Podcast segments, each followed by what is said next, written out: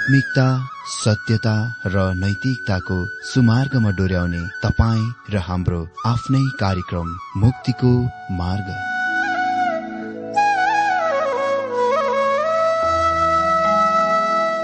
आदरणीय श्रोता यस मुक्तिको मार्ग कार्यक्रममा हार्दिक स्वागत छ। आशा छ यस आत्मिक कार्यक्रमद्वारा जीवनमा आत्मिक आशिष अलौकिक शान्ति र आनन्द प्राप्त गर्नुहुनेछ। र जीवनमा धन्य अनुभव गर्नुहुनेछ। आउनुहोस् श्रोता। मन र आत्माको तयारीको लागि यो मिठो अनि मधुर भजन गीत सुनौ।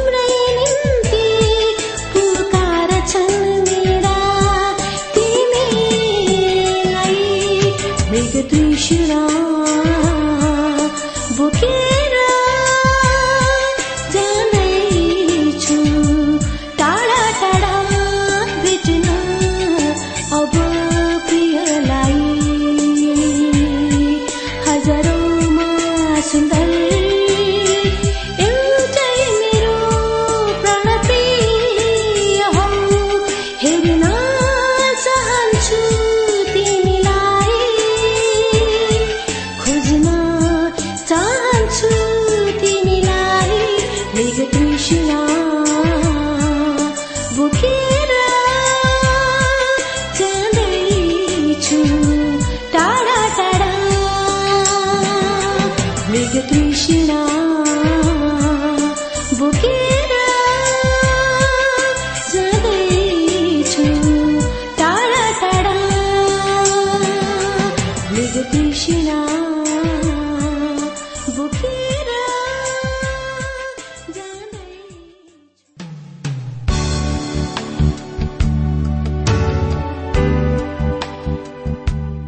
श्रोता यो प्रसारण मार्फत यो अवगत गराउन चाहन्छौ कि प्रभुको सेवाको लागि यहाँहरूको साझेदारी नित्यन्त आवश्यकता छ। यहाँहरूले प्रार्थनाको साथसाथै आर्थिक सहायता गर्न अनुरोध गर्दछौ। तपाईँहरूको सानो भन्दा सानो भेटी किन नहोस्? हामी प्रभुको नाममा स्वीकार गर्नेछौ प्रभुको सेवाको लागि। तपाईँहरूको यो सानो लगानीले कसैको जीवनमा भिन्नता ल्याउँछ अनि प्रभुको महिमा हुन्छ। प्रभु तपाईँहरूलाई महान गरी आशिष दिनुहुनेछ। इच्छुक श्रोताहरूले तपाईँको इच्छा भेटी हाम्रो ठेगानामा पठाउन सक्नुहुन्छ जुन ठेगाना हामी कार्यक्रमको अन्तमा दिनेछौ। प्रिय श्रोता मित्र प्रभु येशु ख्रिष्टको मधुर अनि सामर्थ्य नाममा मेरो जयमसी साथै आजको यो बाइबल अध्ययन कार्यक्रममा हार्दिक स्वागत गर्न चाहन्छु।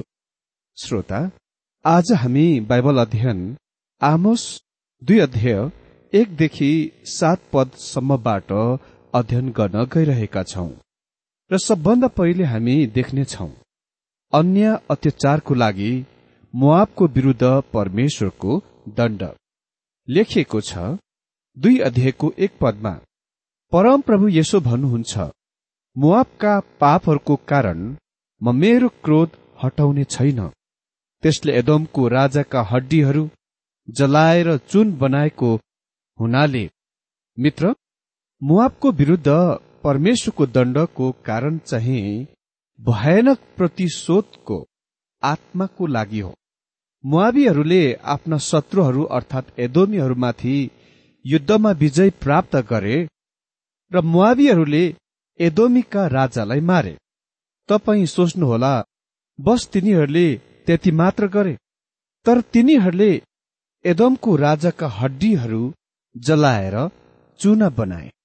मुआबीहरूले एदोमीहरूमाथि त्यस प्रकारले व्यवहार गरेर अति नै नराम्रो प्रतिशोध वा बदला लिए अनि परमेश्वर भन्नुहुन्छ कि उहाँ त्यसको निम्ति तिनीहरूलाई दण्ड दिनुहुनेछ। अगाडि दुई अध्यायको दुई र तीन पदमा यस प्रकार लेखिएको छ म मुआपमा आगो पठाइदिनेछु र त्यसले किरियोतका किल्लाहरू भस्म पार्नेछ। मुआप चाहिँ खैला बैला ठूलो युद्ध ध्वनि र तुरहैको स्वरमा नष्ट हुनेछ। म त्यसको शासक र त्यसका सबै अधिकारीहरूलाई सर्वनाश गर्नेछु। परम प्रभु भन्नुहुन्छ।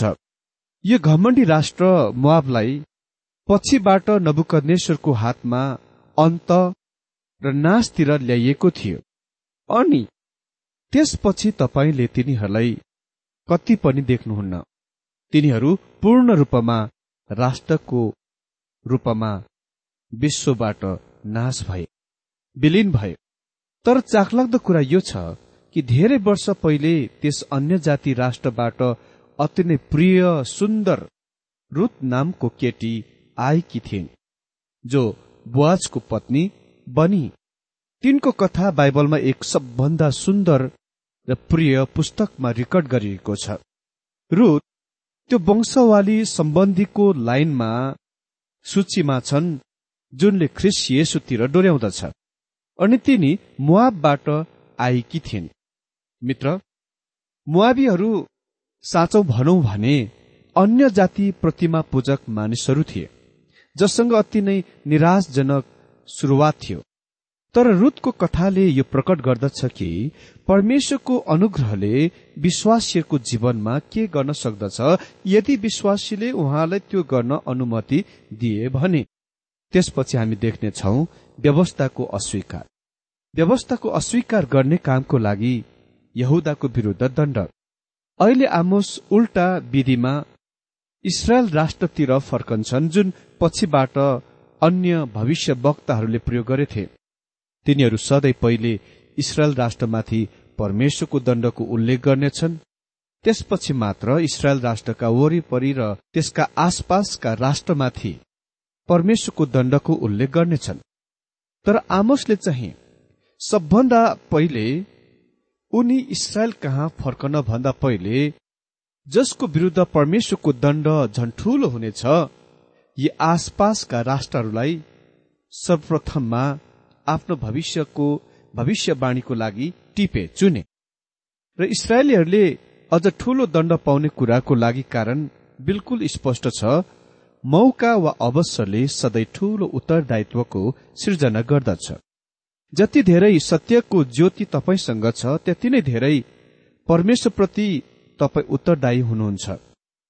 म विश्वास गर्दछु कि तपाईँ र म ती मानिसहरूभन्दा धेरै उत्तरदायी छौं जसले बाइबलहरूलाई इन्कार गर्दछन् र कति पनि परमेश्वरको वचन सुनिरहेका छैनन्।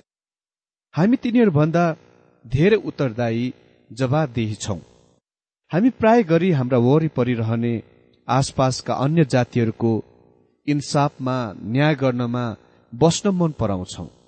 तर के तपाईँले कहिले यो सोच्नुलाई रोकिनु भएको छ?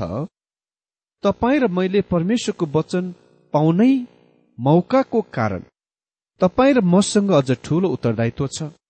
हामी यस तथ्यमा घमण्ड गर्छौं कि हामीसँग बाइबल छ परमेश्वरको वचन। तर महत्वपूर्ण कुरा चाहिँ परमेश्वरको वचनप्रति हाम्रो आफ्नै व्यक्तिगत आज्ञाकारिता हो। अर्थात् हामीले यसलाई बाहिर दिनमा काम गरिरहेका छौं या छैनौं। आमोस आसपास र वरिपरिका राष्ट्रहरूबाट फर्कन्छन् र अहिले उसले परमेश्वरका सन्तानका पापहरू टिप्दछन्। उनी यहुदासँग सुरु गर्छन् अर्थात् दक्षिणी राज्य जुनबाट उनी स्वयं पनि आएका थिए। चार पदमा लेखिएको छ परमप्रभु यसो भन्नुहुन्छ यहुदाका तीन पापहरू अथवा चारैवटा पापहरू ती पापका कारण म मेरो क्रोध हटाउने छैन। तिनीहरूले परमप्रभुको व्यवस्थालाई अस्वीकार गरेका हुनाले र उहाँका विधिहरू पालन नगरेको र तिनीहरूका पिता पुर्खाहरूले पछ्याएका झुट्ट देवताहरूद्वारा तिनीहरू भ्रममा परेका हुनाले। अमित्र। यहाँ भनिएको छ परमप्रभुको बाणी यो छ। यहुदाका अपराधै अपराधले गर्दा त्यसले पाउने दण्ड म रद्द गर्ने छैन। परमेश्वरले ती धेरै अपराधहरूको एक एक गरेर नाम लिन सक्नुहुन्थ्यो जुनका तिनीहरू दोषी थिए। तर यहाँ तिनीहरूका त्यो मुख्य अपराधको उल्लेख गर्नुहुन्छ। किनभने तिनीहरूले परमप्रभुको व्यवस्थालाई अस्वीकार गरे र उहाँका धार्मिक विधिहरू पालन गरेनन्। तिनीहरूका पिता पुर्खाहरू हिँडेकै चालमा तिनीहरूलाई तिनीहरूका भूतले भरमाए। मित्र यो अति नै संक्षिप्तमा यो कथन हो जुन भविष्य वक्ता यसैया र यर्मिया र इजिकियले यसलाई भन्न धेरै पानहरू लिएथे धेरै पानहरू प्रयोग गरेथे।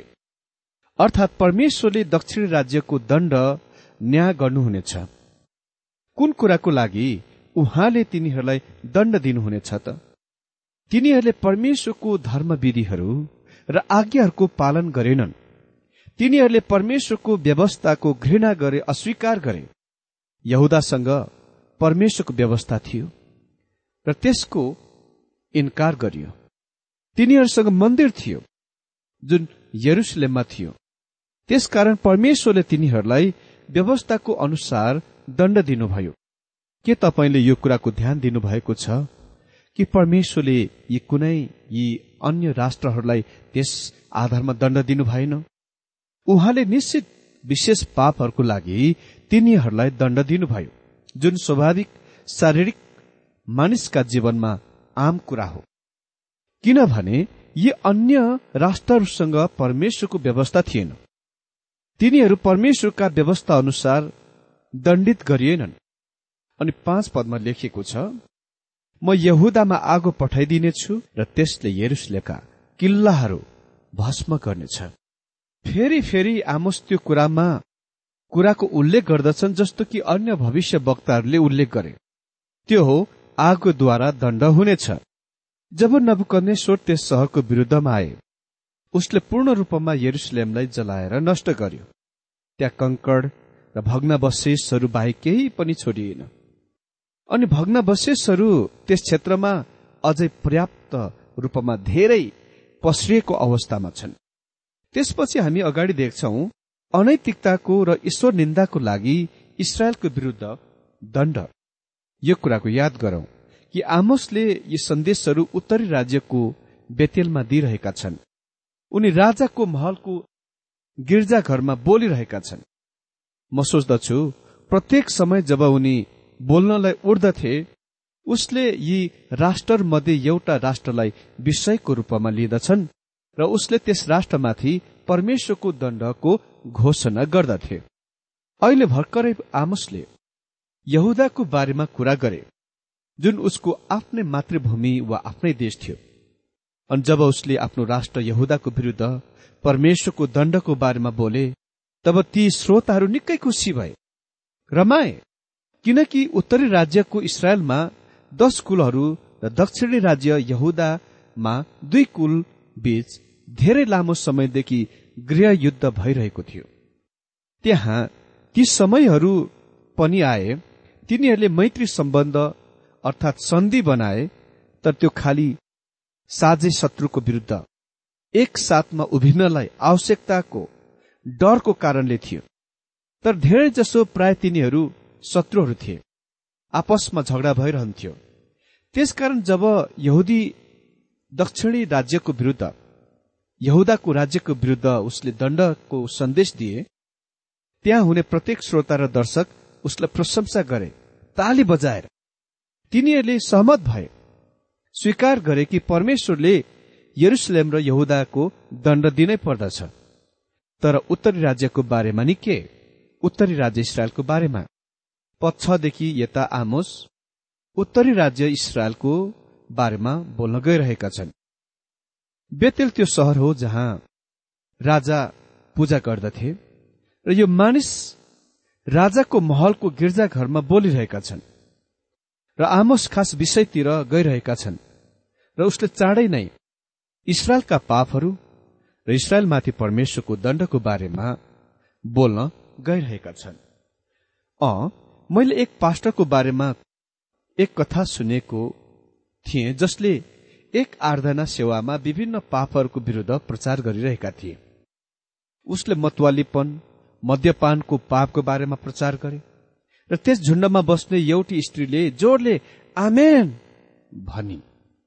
उसले धुम्रपानको पापको विरुद्धमा पाप गरे अनि फेरि तिनले त्यसको लागि पनि आमेन भने।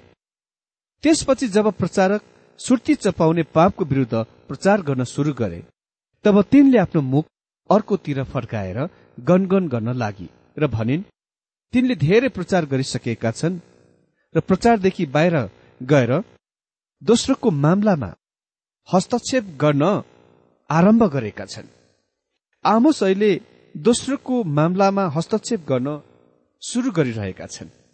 आमोस त्यस झुण्डको पापको बारेमा गोल्न बताउन गइरहेका छन् जुन उसका सामने थिए।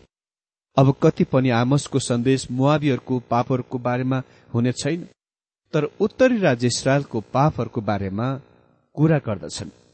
तिनीहरूसँग पनि परमेश्वरको व्यवस्था थियो र तिनीहरूलाई परमेश्वरको धर्मविधि र आज्ञाहरूमा शिक्षा दिएका थिए। आमोसको कुरालाई सुन्नुहोस्। छ पदमा परमप्रभु यसो भन्नुहुन्छ इसरायलका तीन पापहरू अथवा चारैवटा पापहरूको कारण म मेरो क्रोध हटाउने छैन। तिनीहरूले धर्मात्माहरूलाई चाँदीमा र दरिद्रहरूलाई एकजोड जुत्तामा बेच्छन्। परमप्रभुको यो बाणी छ वा परमेश्वर भन्नुहुन्छ इसरायलका अपराधै अपराधको कारणले गर्दा त्यसले पाउने दण्ड म रद्द गर्ने छैन। त्यहाँ त्योभन्दा धेरै अपराधहरू छन् अनि आमोस त्योभन्दा धेरै अधिकको उल्लेख गर्नेछन्। उनले मोसैक व्यवस्थासँग व्यवहार गर्न गइरहेका छन्। उसले दश आज्ञाहरूसँग व्यवहार गर्ने छैनन् जस्तो कि उसले यहुदासँग बोल्दाखेरि ती दश आज्ञासँग व्यवहार गरे। तर मोसाइक व्यवस्थासँग व्यवहार गर्नेछन् जुनले गर्नुपर्ने सरोकार मानिसको प्रतिदिन वा दिनचर्यासँग थियो। किनभने तिनीहरू निर्दोषलाई चाँदीमा र कंगालीहरूलाई एक जोड जुत्तामा बेच्दछन्। उत्तरी राज्य इसरायलमा दश कुलोहरूसँग व्यवस्था थियो। तर तिनीहरूले उही एउटै पापहरू गरिरहेका थिए जस्तो कि आसपास वा वरिपरिका अन्य राष्ट्रहरूले गर्ने गर्थे। वास्तविकता यो हो कि त्यस मुलुकबाट जसलाई परमेश्वरले उही एउटै पापहरूको दोषीको कारण हटाउनु भयो अहिले त्यही नै पाप इसरायलले गरिरहेको थियो। सर्वप्रथम यहाँ हामीसँग गरिबको अत्याचारको बारेमा छ। तपाईँ यो कुराको पत्ता लगाउनुहुनेछ कि आमोससँग गरिबको बारेमा भन्ने धेरै कुरा छ। आमोस चार अध्ययको एक पदमा हामी पढ्छौं हे सामरिया डाँडामा बस्ने बासनका गाईहरू हो। तिमीहरू जसले गरिबहरूलाई थिचोमिचो गर्दछौ जसले दरिद्रहरूलाई कुल्चन्दछौ तिमीहरू जसले आफ्ना लोग्नेहरूलाई भन्दछौ ल्याउनुहोस् र हामी पियौं। तिमीहरू यो वचन सुन। फेरि पाँच अध्ययको एघार पदमा आमोस भन्छन् किनकि तिमीहरू कंगालीलाई दल्दछौ। भविष्य वक्ताहरूका पुस्तक पढ्दा मैले पटक पटक भन्दछु कि गरिबहरूले कुनै निष्पक्ष उचित न्याय पाउन गइरहेका छैनन्। न तिनीहरूलाई यो पृथ्वीमा उचित रूपमा व्यवहार गरिनेछन् जबसम्म येशु ख्रिस्टले यो संसारमा यो पृथ्वीमा शासन गर्नुहुने छैन। गरिब र दरिद्र केवल तिनीहरूको आशा प्रभु येशु ख्रिस्टमा मात्र छ। आज हामीलाई भनिएको छ कि निश्चित राजनीतिक पार्टीहरूले गरिबहरूलाई प्रतिनिधित्व गर्दछन् ख्याल गर्नेछन् हेरचाह गर्नेछन् वास्ता गर्नेछन्। मित्र म तपाईँलाई भनौँ। तिनीहरू त्यस बेला मात्र हामीलाई वास्ता गर्ने ख्याल गर्ने हुन्छन् र राम्रा राम्रा प्रतिज्ञा गर्नेछन् जब तिनीहरू हाम्रा भोटको आवश्यकता पर्दछ हाम्रा समर्थनको आवश्यकता पर्दछ। जब तिनीहरू निर्वाचित भएर कुर्सीमा पुग्दछन् तिनीहरूले पूर्ण रूपमा बिर्सन्छन्। तिनीहरूले गरिबहरूलाई बुझ्दैनन्। तिनीहरूका व्याथाहरू तिनीहरूका दर्दहरू तिनीहरूलाई बुझ्ने कति पनि समय हुँदैन। तिनीहरूका समस्याका जान्दैनन् तिनीहरू। म प्रभु येशु ख्रिस्ट प्रति धन्यवादी छु जसले एक दिन गरिबको निम्ति न्याय र इन्साफ ल्याउन गइरहनु भएको छ।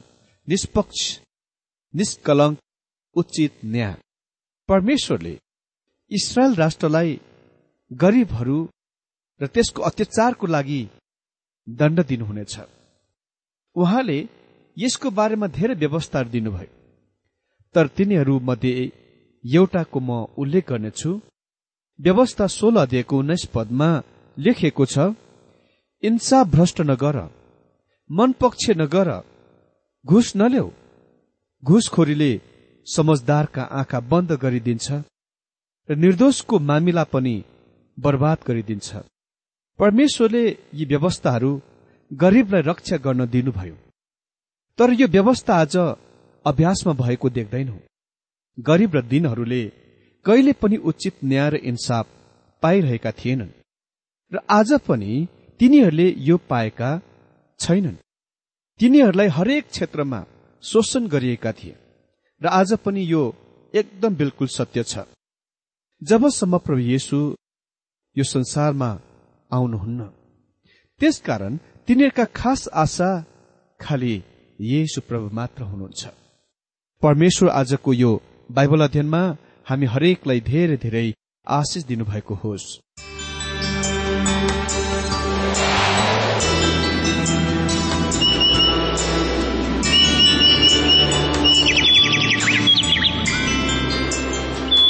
प्रिय श्रोता अहिले भर्खरै तपाईँले टीडब्ल्यूआर नेपालद्वारा सञ्चालित आत्मिक कार्यक्रम मुक्तिको मार्ग सुनिरहनु भएको थियो। श्रोता आजको यो कार्यक्रम सुनेर तपाईँलाई कस्तो लाग्यो? यदि यो कार्यक्रम सुनेर मनमा कुनै खुल्दुली वा कुनै प्रतिक्रिया अर्थात सुझावहरू छन् भने हामीलाई पत्रद्वारा लेख्न सक्नुहुनेछ। हामी हृदयदेखि नै स्वागत गर्नेछौ स्वीकार गर्नेछौ साथै बाइबल सम्बन्धित प्रचारहरू कार्यक्रम सारणीहरू हामी अनुरोधमा पठाउन सक्छौ। अनि तपाईँसँग कुनै प्रार्थनाको विषय छन् भने हामीले तपाईँको लागि प्रार्थना गरेको चाहनुहुन्छ भने प्रभुमा आफ्नै परिवार सम्झेर हामीलाई पत्रमा लेख्न सक्नुहुनेछ। तपाईँको लागि हामी प्रभु येशुसँग प्रार्थना गर्नेछौ। अधिक जानकारी र पत्रचारको लागि हाम्रो ठेगाना यस प्रकार छ। कार्यक्रम मुक्तिको मार्ग जीपीओ नम्बर उनानब्बे पचहत्तर इपिसी पच्चिस एकसठी काठमाडौँ। ठेगाना एकपल्ट सुन्नुहोला। कार्यक्रम मुक्तिको मार्ग जीपीओ नम्बर उनानब्बे पचहत्तर इपिसी पच्चिस एकसठी काठमाडौँ। हाम्रो इमेल एड्रेस हो TWR Nepal at Yahoo dot com साथै यस नम्बरमा एसएमएस गर्न सक्नुहुनेछ। अन्ठानब्बे चार सत्तरी पैतिस छ सय उनासी। नौ आठ चार सात जिरो तीन पाँच छ सात नौ। हुन्छ श्रोता आजलाई हामी विदा चाहन्छौ। अर्को कार्यक्रममा हामी पुनः भेट्नेछौ। तबसम्मलाई नमस्कार।